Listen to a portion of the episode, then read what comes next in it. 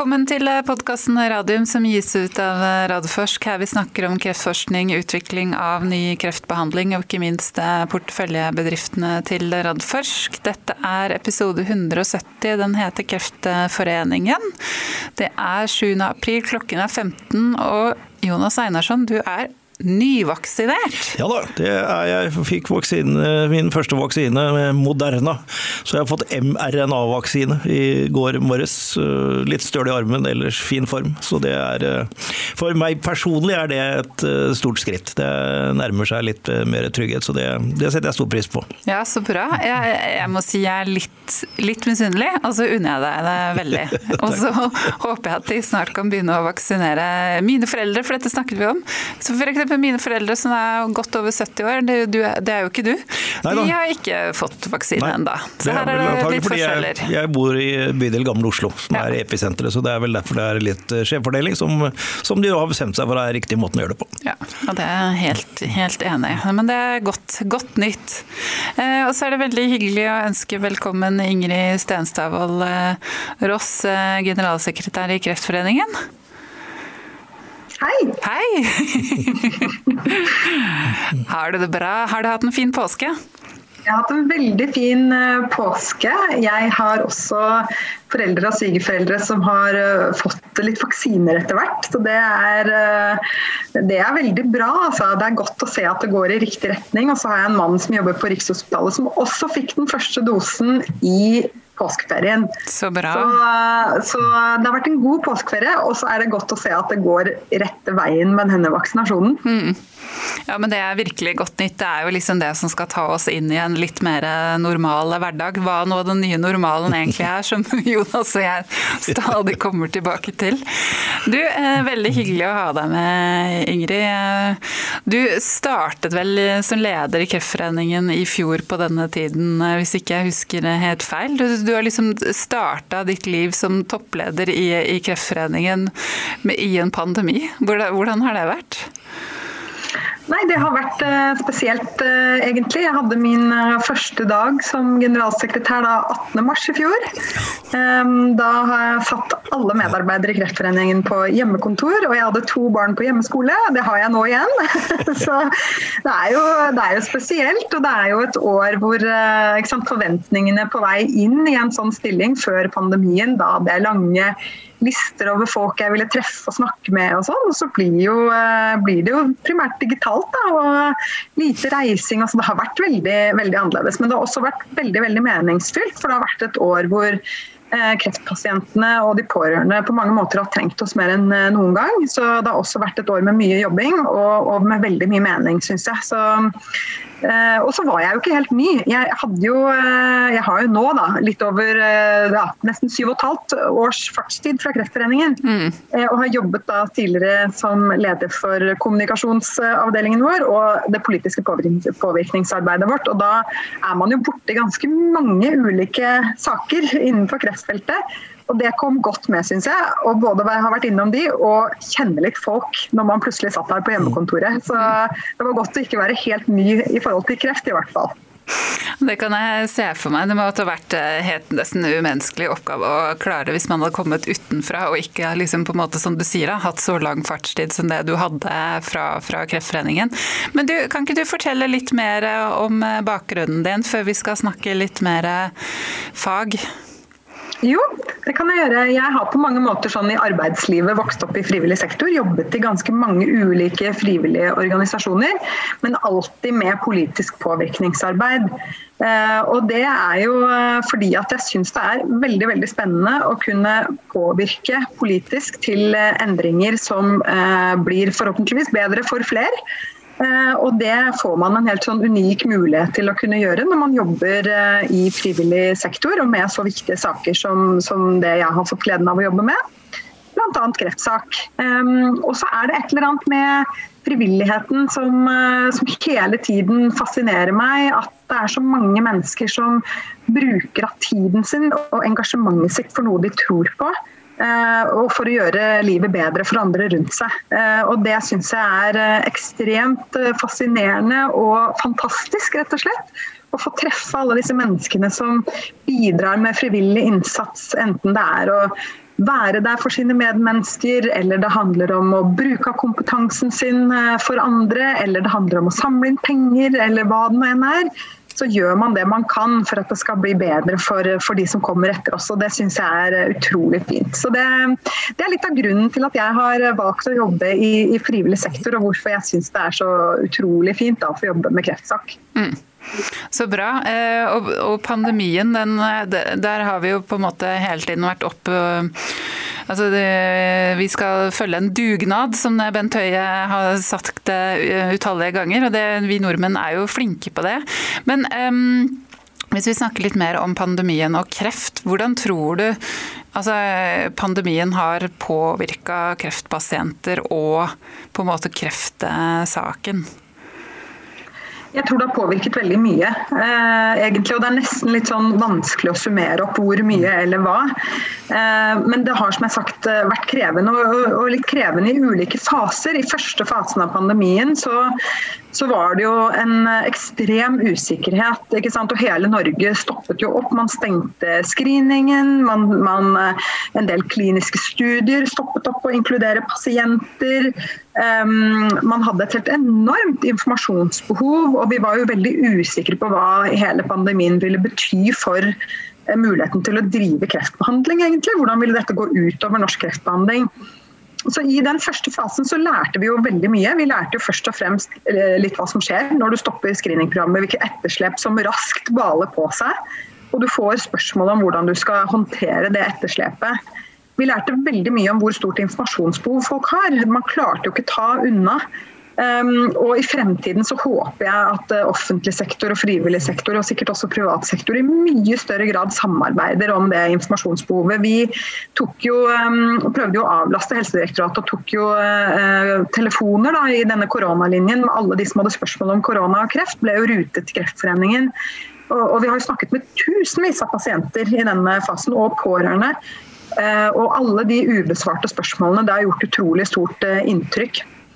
Eh, og så er det klart at Man gjør seg mye tanker rundt beredskap og hvordan vi var forberedt. og Nå kommer det snart en rapport fra koronakommisjonen som vi venter på. Men sånn alt i alt nå ett år etter, så er det klart at jeg frykter for et dramatisk og litt sånn historisk etterslep da, av pasienter Eh, som har eh, unnlatt å gå til eh, fastlegen, eller som kanskje ikke har fått oppdaget symptomene sine ved tilfeldigheter i helsevesenet. For det har vært mindre influensa og andre ting som gjør at man har oppdaget mindre kreft. Um, og jeg er bekymret for det. Bekymret, de blir jo ikke borte. Vi vet jo noe om, om hvor mange kreftpasienter vi skulle ha hatt. Og, og, særlig at vi mangler både lungekreftpasienter og brystkreftpasienter syns jeg er uh, veldig bekymringsfullt. Um, og så er jeg bekymret for de pårørende. Jeg må si at det, eh, det har vært tøft å, å, snakke med mange pårørende i dette året som, som bærer en ekstra tung eh, bør nå. Uh, må huske på at En ting er behandling, men det har vært et enormt bortfall av rehabiliteringstilbud, kurs, mestringstilbud. Det er mange slitne pårørende der ute. Eh, og det har vært krevende å være barn eller ektefelle av eh, folk som har kreft, fordi at man har vært bekymret for å dra smitte inn i huset. Barn og unge har vært preget når de er pårørende til eh, voksne med kreft. Har lurt på liksom, er det trygt å gå på skolen, er det trygt å gå på fotball, er det trygt å være med venner. Og det, det, det, gjør noe med en å høre dette gang på gang fra, fra pårørende. Så jeg er bekymret for de pårørende. Jeg tror det er mange som er slitne, jeg tror det er mange som har eh, båret en tung bør. Og så må jeg si helt avslutningsvis at vi har lært mye òg, Noe er jo bra òg. Det kommer noe godt ut av eh, kjedelige perioder sånn som denne. Eh, Bl.a. dette med at anslagsvis 7-12% tror jeg det er, av fastlegene hadde mulighet for videokonsultasjon før korona. Og i dag så er det vel over 70% eller noe sånt som har dette som etablert, et etablert tilbud. Og nesten alle tilbyr jo videokonsultasjon. Og det har jo ikke stått på pasientene. Pasientene har jo ønsket seg videokonsultasjon lenge. Og det å slippe unødvendige reiser inn til sykehus for sånn ting som det er enkelt å ta eh, over video, da, det har, jo, har man jo etterspurt kjempelenge.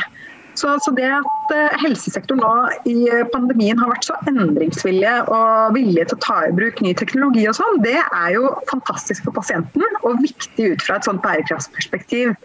eh, i helsevesenet. Så, så, mye er jo bra òg, men, av, disse fremskrittene her. Men, men, man gjør seg mange og ulike tanker etter et år med pandemi, jeg må si det. altså. Mm.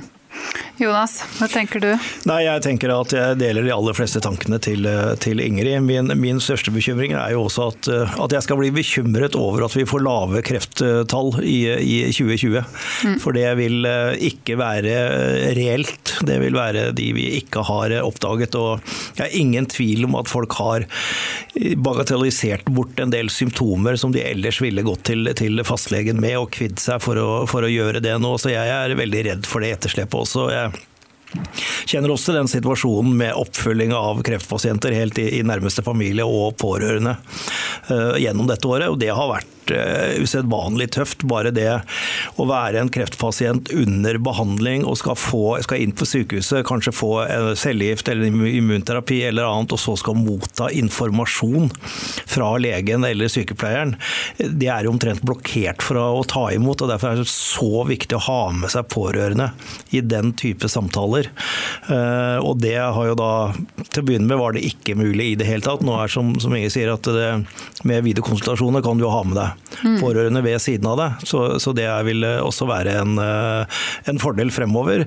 Og det er helt klart at eh, jeg ser det positive, at vi kan gjøre utrolig mye digitalt fremover med kanskje minst like god kvalitet som det vi har gjort tidligere, og til mye mindre belastning for, for pasientene. Eh, men, men, samtidig så tror jeg vi skal si at den nye normalen, hvis den kommer i 22 eller 23, vil vi nok også, tror jeg, se en, uh, igjen en, uh, en, økning i krefttilfeller. Men forhåpentligvis vil de da legge seg inn i den kurven vi hadde forutsett.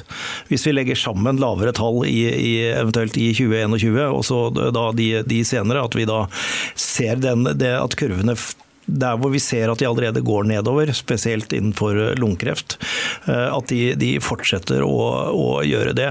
Eh, men, men, eh, ingen tvil om at vi står foran en stor utfordring i, i årene som kommer, så det er liksom ikke sånn at Puh, nå er vi fullvaksinerte, nå er, er, vi gjennom alt sammen. Ikke, I hvert fall ikke innenfor dette, dette feltet her. Altså, jeg er jo veld, veldig glad for, som du nevnte jo det med at det stoppet helt opp i de kliniske studiene.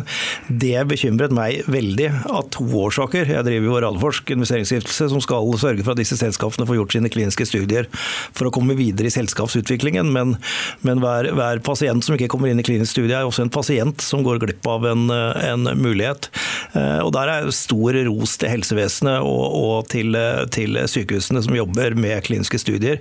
De snudde seg utrolig fort rundt. Altså var, jeg husker Vi fikk beskjed om å stenge. Eh, alle kliniske studier var stengt noen få dager før påske. Og jeg tror vi hadde en eh, podkast onsdag etter annen påskedag, og da hadde jeg fått beskjed om at nå åpnet de opp igjen. Så mm. de har vært virkelig flinke, altså. Mm. Ja, det har de.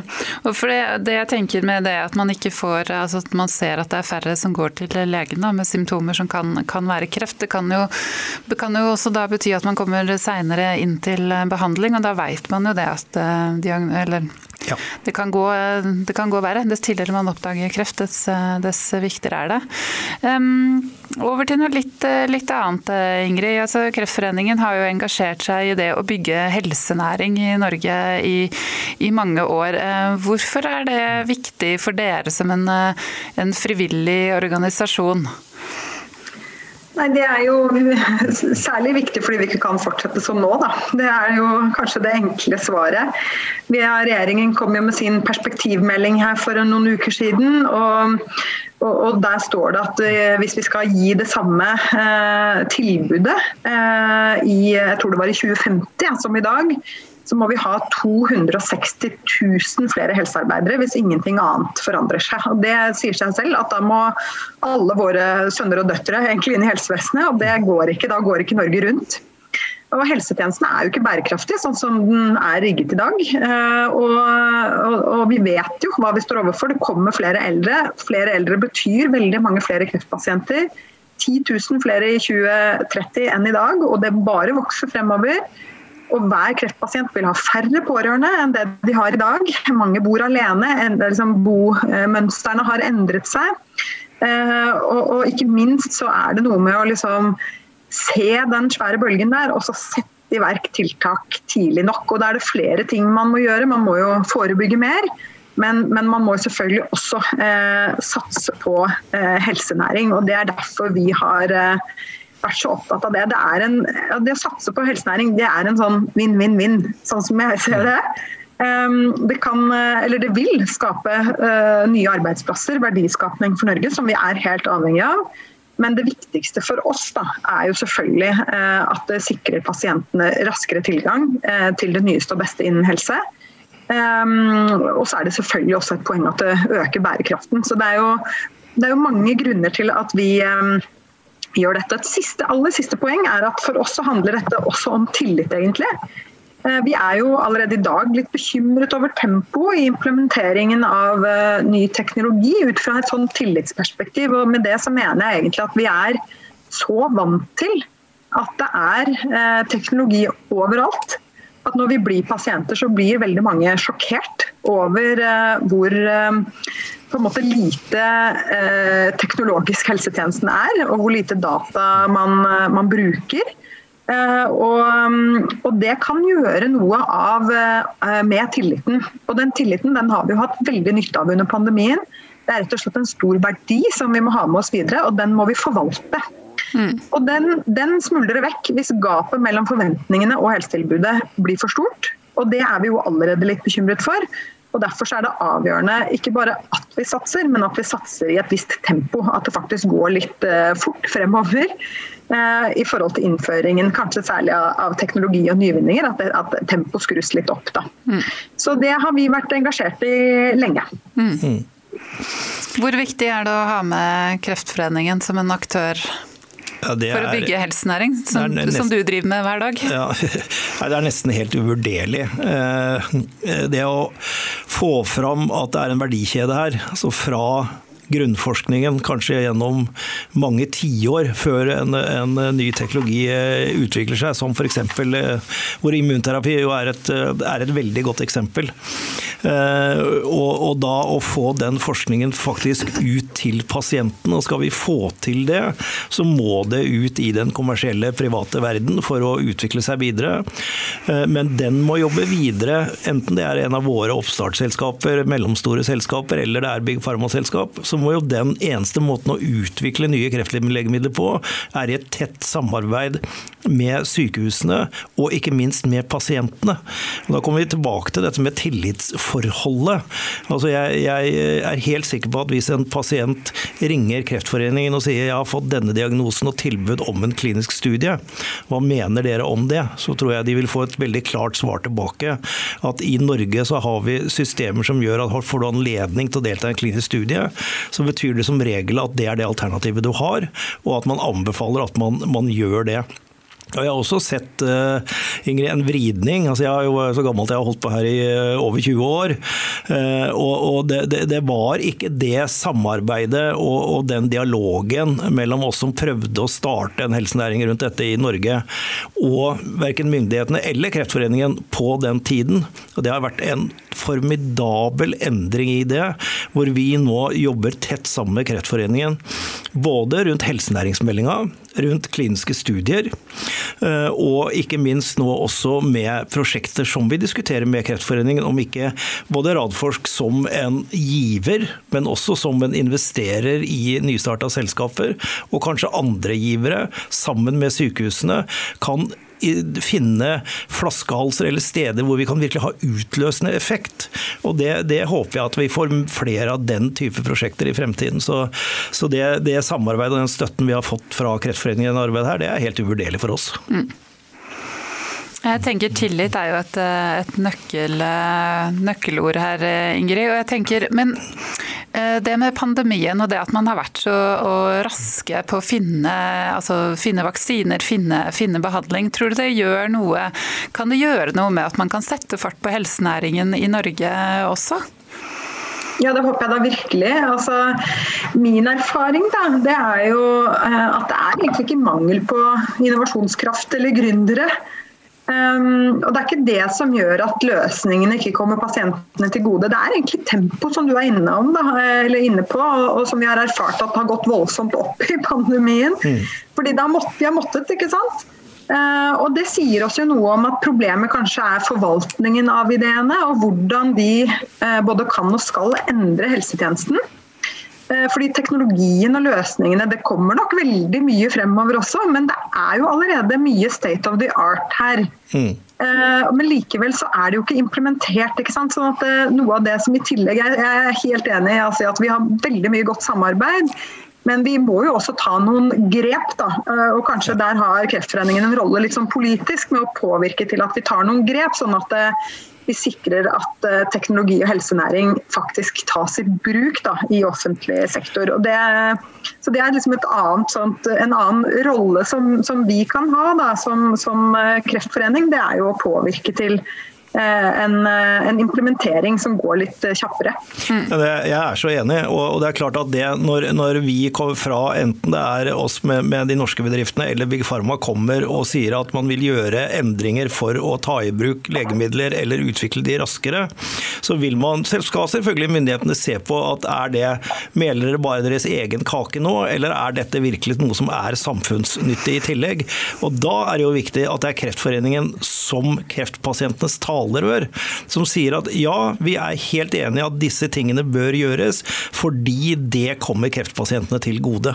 Da får vi en sånn, litt sånn som du sa i stad, dette samarbeidet mellom myndigheter, private og frivillige. Jeg tror vi ofte glemmer det frivilliges rolle når vi snakker om privat-offentlig samarbeid. Så tror jeg vi, vi, må huske på at det, bør være et privat-offentlig frivillig samarbeid. Og det er, det, det er da vi kan eh, gjøre noe forskjell. Mm. Absolutt. Og litt sånn eh, forlengelse til, eh, til, det med helsenæring, så er det jo dette med kliniske studier som, som Radforsk har jobbet med i mange år, og som også Kreftforeningen har jobba med. Eh, og det er jo ikke så lenge siden vi fikk den handlingsplanen for kliniske studier hvor altså, regjeringen og Bent Høie har jo ambisiøse mål. De ønsker å doble antall kliniske studier i Norge til 2025 også.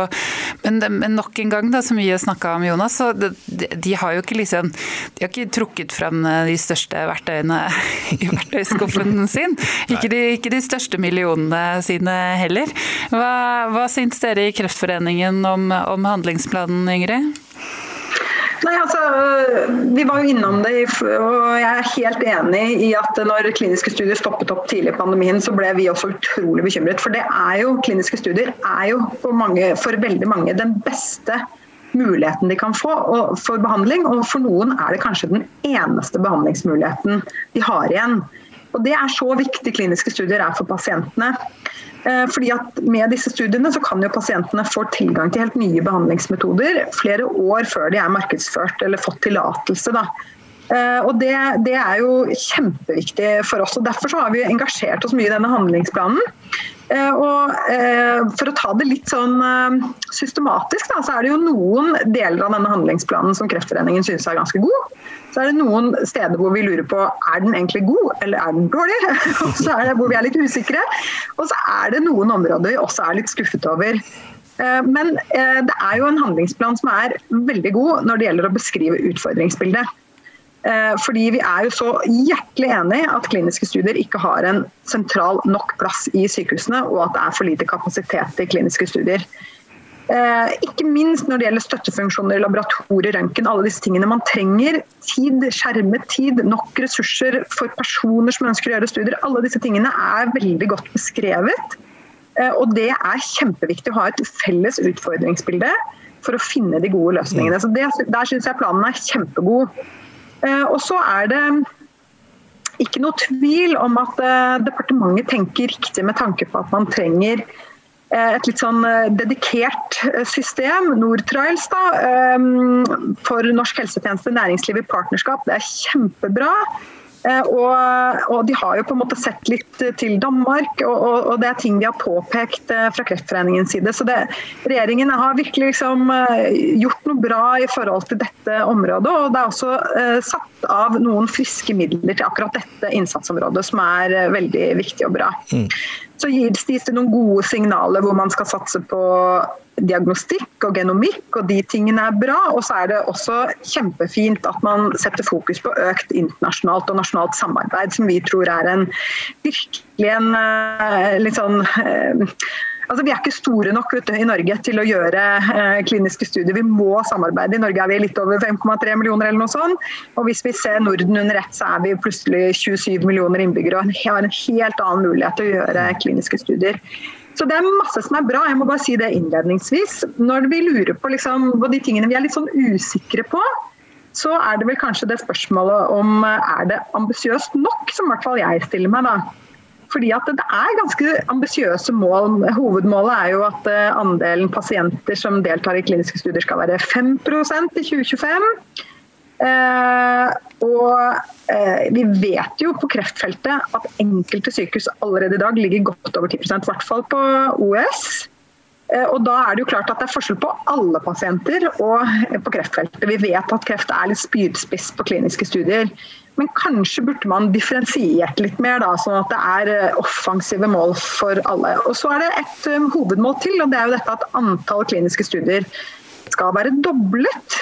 Og der tenker jo jeg litt, for, hvert fall for min egen del, at det er for så vidt nyttig å telle antall kliniske studier, men det er jo veldig stor forskjell på studier. Noen er små, noen er store. Um, så det å bare telle studier er, sier oss ikke sånn kjempemye informasjon. Men Kreftforeningen jobber jo for at alle kreftpasienter skal vurderes for en klinisk studie. Mm. Og Det tenker vi hadde vært et veldig godt uh, mål å hatt med her. Uh, sånn at uh, vi, vi, faktisk fikk et eller annet system som gjorde at du som pasient hvert fall visste at du kunne bli vurdert. Og Det er jo også en del ting som jeg tenker planen ikke er god nok på. Det ene er jo at pasientene lenge har etterspurt bedre informasjon om hvilke kliniske studier man kan delta i. Um, og her er det gjort litt i Helse Norge, og sånn, men det burde vært gjort veldig mye mer for at pasientene selv kunne være pådriver for å kunne delta i kliniske studier. Så det, det er jo et sånt punkt. Og så er jeg helt enig med dere. Det burde vært lagt mer penger, rett og slett. Ikke bare verktøy, men mer penger på bordet for å løse de utfordringene vi står overfor. Vi hadde forventet faktisk at det fulgte mer penger med planen. Mm. Så det er mange ting, mange, mange ting som, som som vi savner også. En siste ting vi savner i handlingsplanen, det handler litt om dette med Det er ganske godt beskrevet dette med kultur. Eh, Bl.a. at eh, sykehusene da skal ha kultur for kliniske studier.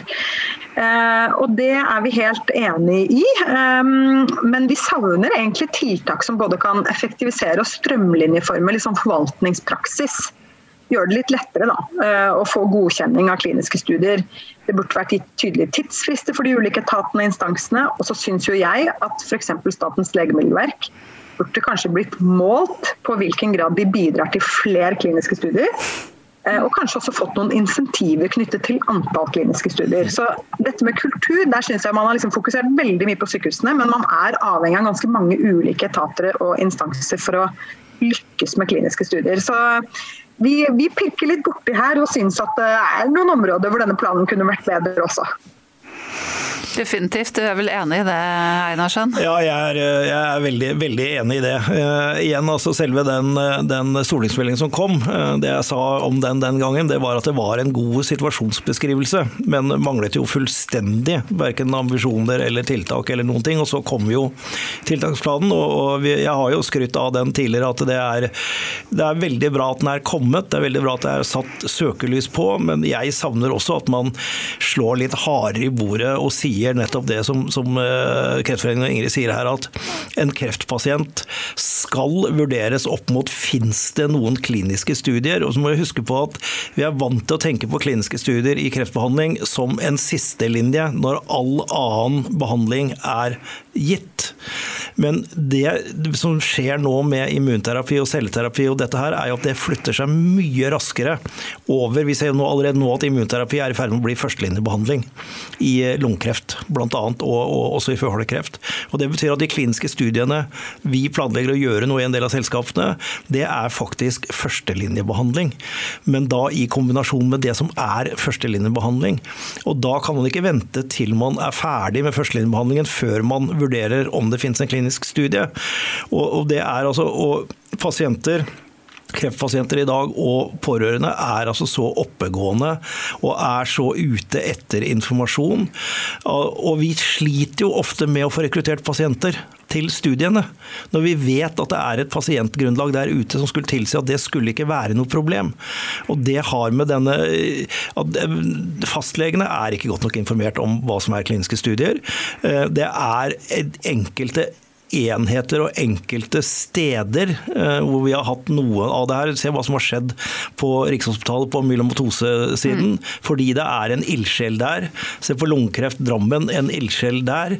Altså, men vi kan ikke være avhengig av ildsjeler lenger. Vi må ha et system som fanger opp dette. Mm. Og det at et sykehus da sier at nei, vi kan ikke være med på denne studien for vi har ikke nok røntgenkapasitet, altså, det er bare ikke holdbart. Men, mm. men, det er sånne ting vi, vi møter, og da må det være litt mer trøkk bak det. Og så sier de ja, men vi har ikke råd til å utvide kapasiteten. Nei, men da må, vi, da må vi sette av penger til det.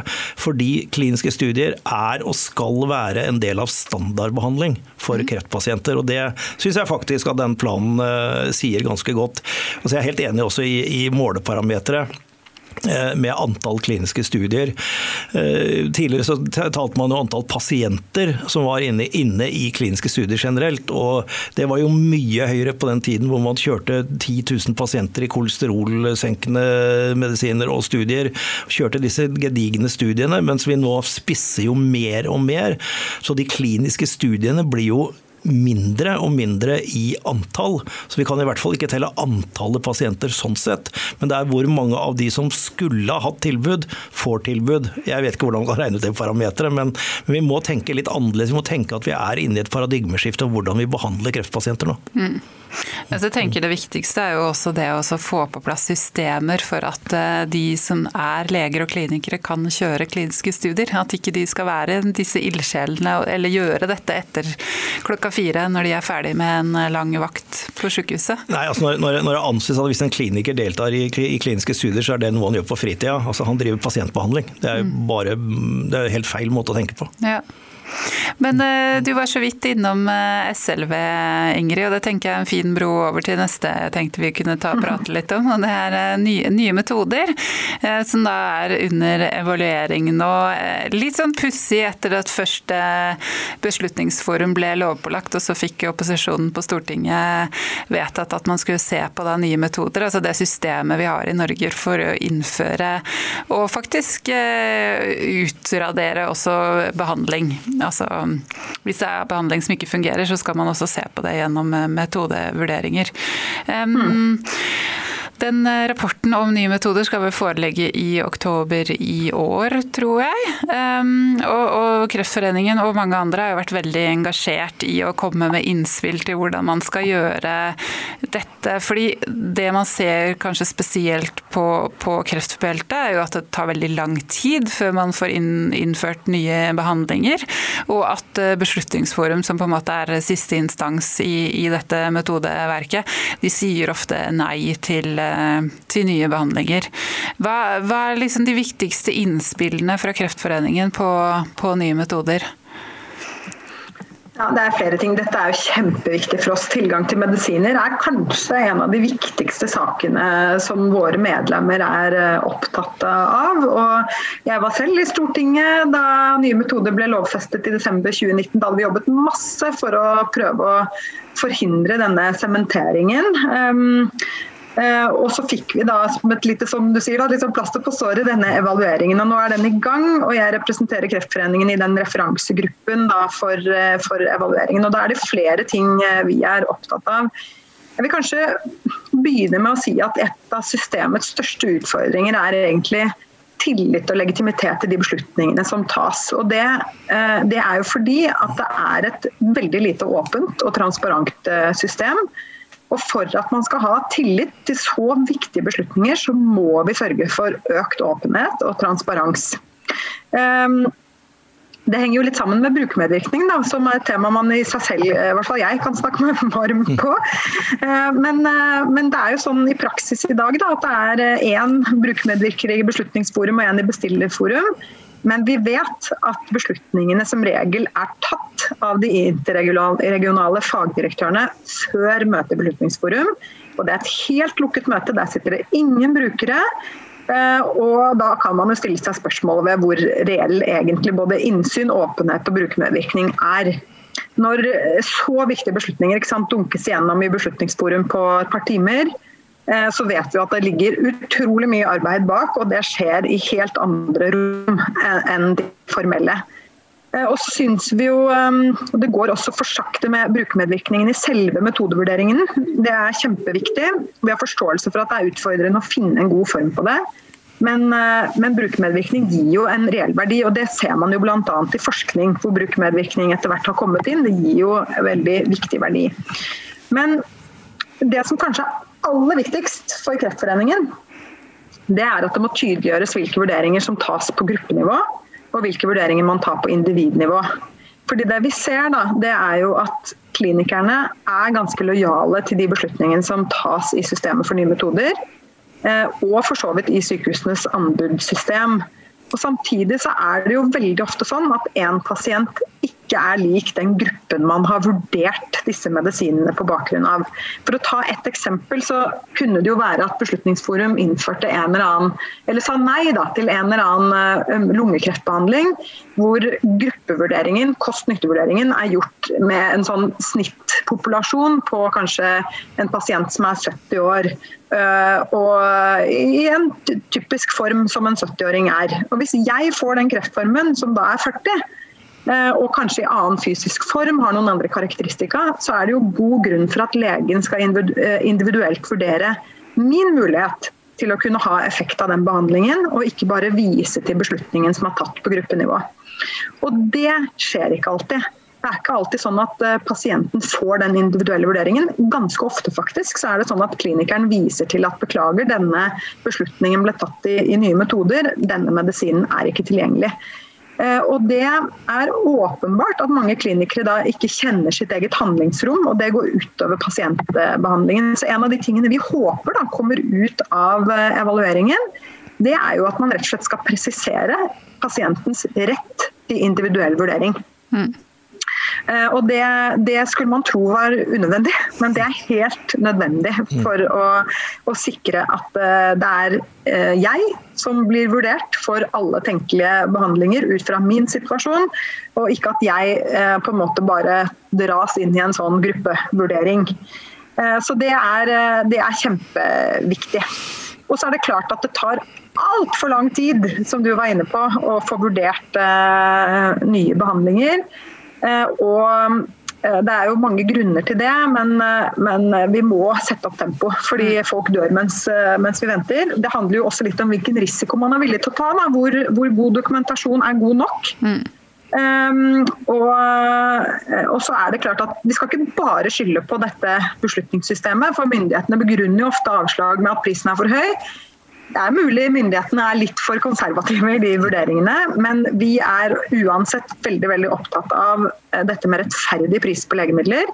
Og har Kreftforeningen derfor tatt et initiativ eh, med et eh, nettverk, et europeisk nettverk som heter European Fair Pricing Network, hvor kreftforeninger i Europa har kommet sammen for å finansiere forskning og etter hvert også politisk påvirkningsarbeid for å sikre åpenhet om legemiddelpriser. Vi ønsker at legemiddelprisene skal være åpne. Mm. Det skal være eh, rett og slett eh, informasjon som er eh, tilgjengelig. Eh, fordi at vi mener at åpenhet er den eneste muligheten for å sikre rettferdig prising. Eh, og I det nettverket så har jeg tatt rolle som leder, så vi går ganske sånn tungt inn for å prøve å eh, rett og slett forbedre systemet. Både nye metoder og gi de innspillene vi kan i referansegruppen, men også faktisk jobbe for en fremtid hvor det er åpenhet om prissetting på legemidler, og hvor vi har forskning som kan gi oss bedre dokumentasjon av eh, et sånt lukket system versus et åpent system. Så det, det, er ting vi jobber med og som vi er utrolig opptatt av i Kreftforeningen. Mm. Så bra, Jonas. Hva tenker du? Dette med åpenhet, åpenhet om eh, legemiddelprising er jo eh, I hvert fall de jeg kjenner som jobber i industrien i Norge, mener jo at det, det er ikke så veldig lurt. For da vil man få høyere priser i Norge f.eks., som er et lite land. Ja, det er en stor utfordring eh, i det. og Vi har veldig sånn rigide systemer eh, rundt dette nå. Eh, og Det gjelder også hele prismodellen, eller betalingsmodellene. Mm. Som jo det har vært diskutert en del, en del, rundt med no cure, no pay. Bare betale så lenge det virker. Altså andre modeller enn det man har brukt tidligere. Eh, så har jeg vært inne på det tidligere med, med at jeg har liksom syntes at det har vært en helt håpløs eh, dialog mellom eh, industrien og myndighetene, som har vært preget av skyttergravskrig og skylde på hverandre, som ikke gagner noen. Og det de trenger er kanskje en sånn litt mer nøytral katalysator for mm -hmm. å mhm. få disse prosessene inn på skinner igjen. Så jeg visste ikke om dette, dette europeiske initiativet, Ingrid, men det syns jeg er veldig positivt. Jeg tror det er er, er helt på sin plass. Og så, så, får man se hvilke type modeller man kan eh, klare å, å komme frem til. Men altså hvis det tar tre år å få en medisin som man vet virker, godkjent i Norge fordi at man har et system hvor man ikke blir enige om prisen mm. før etter tre år. Og jeg har ikke sett godt dykka inn i detaljene rundt dataer, men jeg er temmelig overbevist om at eh, flere av de siste beslutningene som de nå endelig har godkjent, eh, medikamenter som har vært godkjent i Danmark og Sverige i flere år, så foreligger ikke mer robuste data. Det er rett og slett at de har krangla om prisen i så lang tid. Mm. Og uansett hvilken måte man løser det på, så er ikke det holdbart. altså. Nei, jeg, tenker... Nei, jeg er helt enig. Jeg er helt enig i det. Og det er, det er, jo reelt sett sånn at det er prisen man er uenig om. Uh, I hvert fall på noen av de siste beslutningene som er tatt i Beslutningsforum, så er det jo helt, de, de sier det jo helt åpent at uh, dette har vært en prisforhandling. Og, og, Som gissel i den forhandlingen står det jo pasienter. Uh, og dette er alvorlige kreftformer hvor mange dør mens de venter. Og Sånn kan vi jo på en måte ikke ha det. Det er jo helt uholdbart ikke sant? med en mm. sånn eh, skyttergravstaktikk eh, eh, som tar år. Um, og, og, Dette handler jo egentlig om et rabattsystem som er helt lukket. ikke sant? Og, mm. og hvor det er helt umulig å si hvilke rabatter vi får mot våre naboland.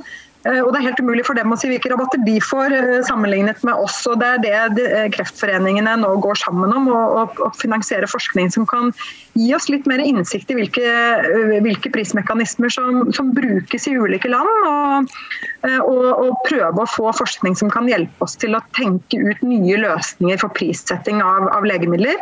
Og Da er det viktig for meg å si også at det er ikke meningen at det skal bli billigst mulig, men at det skal være rettferdig prising. Mm. Og det er liksom det er, må huske på også at Kreftforeningen i disse landene har finansiert veldig mye forskning. Mange av de legemidlene som, som kommer på markedet, står på skuldrene av, eh, av basalforskning og studier finansiert både av kreftforeninger og av skattebetalere i årevis. Så hvem har egentlig hatt hvilke kostnader? Eh, med utviklingen av legemidlene, og hva er en rettferdig pris, og hvordan kunne systemet sett ut? Det er spørsmål som vi kollektivt stiller oss, og så mm. tror vi veldig på at dette Eh, ikke er noe ett land kan gjøre alene, men at vi må se litt på dette i en samarbeidsmodell og i en europeisk kontekst. Eh, de er så enig med. Det er, jeg har snakket om det tidligere, jeg har kalt det for en, det er en form for samfunnskontrakt. Også det er, de store legemiddelfirmaene forsker veldig lite i dag. Det helt, var noe helt annet den gangen AstraZeneca hadde 1000 forskere i Lund, og, og det meste av nye legemidler ble forsket ut av forskningsavdelingene til legemiddelfirmaene. Det forekommer så godt som ikke lenger i det hele tatt. Eh, og du sier mange, jeg vil si at nesten alle av det, de gjennombruddet, spesielt innen kreftbehandling de siste 10-20-30 årene, de kommer ut ifra akademiske miljøer hvor grunnforskningen har vært finansiert av myndighetene. Så har ikke myndighetene vært villige til å ta det steget ut fra det akademiske miljøet og gjennom en hel godkjenningsprosess og de kliniske studiene. Det har man overlatt til de private investorene å gjøre.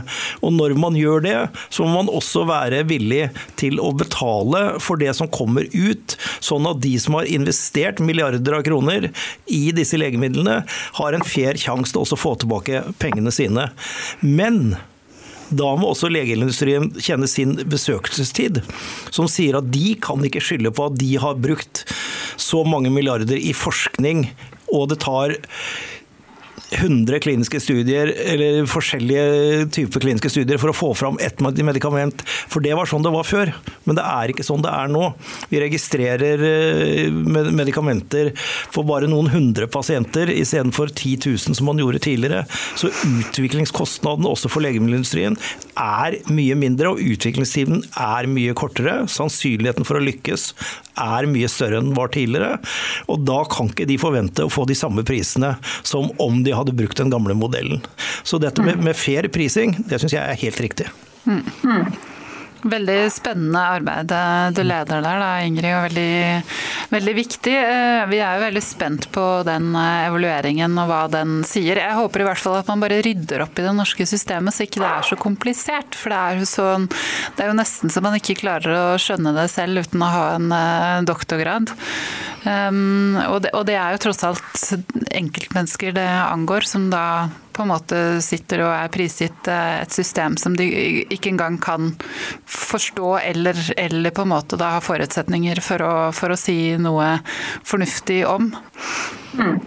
Du, jeg tenkte vi skulle avslutte med en helt siste ting her i dag. For du kommer jo rett fra Det er veldig greit med sånne digitale møter. Da. Det er veldig lett å gå fra det ene møtet til det andre. Trenger ikke å lø, trenger ikke løpe så langt eller, eller, eh, kjøre så langt. Men du var jo akkurat nå på et sånt eh, lanseringsmøte av de første resultatene fra eh, Inspire-prosjektet. Kan du ikke si litt om det? Jo, altså Jeg på å si gratulerer med dagen. Fordi, fordi det er jo faktisk ganske fantastisk da, at vi nå får disse dataene, medikamentelle dataene. Um, man skulle tro på mange måter at vi hadde de fra før av, men sånn, sånn er det jo ikke. Og dette er et, et, veldig veldig godt eksempel på et apropos samarbeid, trepartssamarbeid mellom offentlig privat eh, sektor og Eh, og også, også Kreftforeningen, altså brukerperspektivet, eh, sånn at vi har sikret eh, rett og slett tilgang på disse dataene. Og For oss i Kreftforeningen som har vært med både å finansiere dette og vært med som en samarbeidspartner, så handler jo dette om å sikre at pasientene får raskere tilgang til igjen da, ny og innovativ kreftbehandling. Og Det kan jo skje på minst to måter eh, gjennom Inspire. Det ene er jo at dataene Altså det å ha medikamentelle eh, data for eh, kreftbehandling det kan gjøre Norge mer attraktivt for kliniske studier, som igjen er kjempeviktig for pasientene, som vi har snakket om. Eh, og det andre er selvfølgelig at myndighetene nå får en gyllen mulighet til å undersøke hvordan disse dataene kan gi dem informasjon til å tidligere innføre kreftlegemidler hvor det er stor usikkerhet, apropos nye metoder. Um, fordi at kan jo, Her kan det jo komme da, mer sånne virkelighetsdata om medikamentell behandling som gjør at vi får samle data as we go, på en måte. Og det trenger vi med tanke på fremtidens eh, kreftbehandling. Og så er det jo også sånn at eh, Kreftregisteret egentlig står bak eh, flere nyvinninger litt sånn på samme tid. fordi at Én ting er disse medikamentelle dataene som er kjempeviktige at vi får inn i Kreftregisteret. Men de har jo også nå eh, samlet inn de siste årene erfaringer og data som pasienten selv rapporterer fra sin kreftsykdom. Disse, det er litt håpløse ord, da, men disse såkalte proms- og prems-dataene. Um, som, som, vil gi selvfølgelig økt innsikt i hvordan behandlingsformene oppleves av pasientene, uten at man har denne fortolkningen av helsepersonell eller andre. Så, og Det er innmari viktig. fordi at eh, alle er egentlig pasientene er kjempeopptatt av livskvalitet, men min erfaring er at eh, helsenæringen og legemiddelindustrien også er veldig opptatt av pasientens livskvalitet. Og hittil så har vi jo manglet ganske gode data på, på hele denne delen. Og samlet sett da, så er det jo nesten litt sånn paradoksalt at vi ikke sitter på denne type data i dag, men nå gjør vi jo det. Eh, vi bruker jo så store summer i Norge på å ta i bruk nye kreftlegemidler, og så har vi ikke hatt informasjon om bruken, verken de medikamentelle dataene eller hvordan livskvaliteten påvirkes. Og nå får vi begge deler, og det er jo så spennende. Derfor så sier jeg litt sånn gratulerer med dagen. det er litt sånn klyp deg i armen. Det er faktisk utrolig spennende å ha vært en del av, av Inspire-prosjektene. Så eh, I dag så syns jeg jo på mange måter man feirer fremtidige muligheter vel så mye som de første resultatene. For dette byr på noen fantastiske muligheter for oss. Eh, og, og, det er jeg veldig stolt av at vi har vært med på, rett og slett. Hmm. Absolutt. Eh, gratulerer med dagen eh, herfra også. Det er jo et prosjekt som vi har, har fulgt eh, tett uten å være så, så delaktig i det. Og jeg tenker jo at altså det, Norge har liksom de der ryktene på oss for at vi er så innmari gode på helsedata, men vi har liksom vært så innmari gode til å samle. Vi har ikke nødvendigvis vært så gode til å liksom gå inn og analysere og bruke de. Men der tenker jeg jo at Inspire kan være, være et litt sånn skifte inn der, da. Ja, nei, altså jeg, jeg, er helt enig, og jeg er helt enig. Det er vel, vel verdt å gratulere med dette. Det, men, men, samtidig så blir det litt sånn gratulasjoner ti år for seint. Men, men, nå, nå er det i hvert fall, i hvert fall der. fordi altså Paradokset med at man hele tiden, også i, i tilbake til Beslutningsforum og betalingsvilje og sånn, sier at ja, det er, det er, for lite data, det er for små kliniske studier. Eh, vi vet ikke helt hvordan det går. Men så, så, har man jo ikke fulgt opp og sett hvordan det går. Eh, og Det er jo nettopp denne type data som kan fortelle oss, når vi har brukt medisinene i noen år, at vet du hva, disse her virker faktisk fantastisk bra. Eh, men det virker ikke så bra på den gruppen. Vi kan, vi, vi kan på en måte fortsette en evig klinisk studie hvis vi samler inn disse dataene. For det å godkjenne et medikament, og så, så dyre medikamenter, og så ikke være interessert i å se hvordan går det med pasientene som får de. Det er, det er et sånt stort paradoks. Men, men, men, men igjen, vi er, vi er, forbi det stadiet nå, så jeg skal, jeg skal ikke ta den en gang til. Du er utålmodig sjel, vet du, Einarsson. Skal helst ha skjedd for ti år siden. Ja. ja. men det er bra, det. Man skal, skal være utålmodig på vegne av, av, kreftpasienter som fortjener den beste behandlingen. Du Ingrid, vi må gå inn for landing nå. Men jeg tenkte helt sånn til slutt, hva er, hva er viktig for eh, Kreftforeningen eh, i eh, tida som kommer framover? Og det er mye Vi har vært inne på flere av, av, tingene, egentlig. Det er selvfølgelig å følge tett med på tilgang til nye behandlingsmetoder og presisjonsmedisin særlig. Eh, vi er, av, eh, vi er, veldig opptatt av eh, diagnostikk basert på genetikk.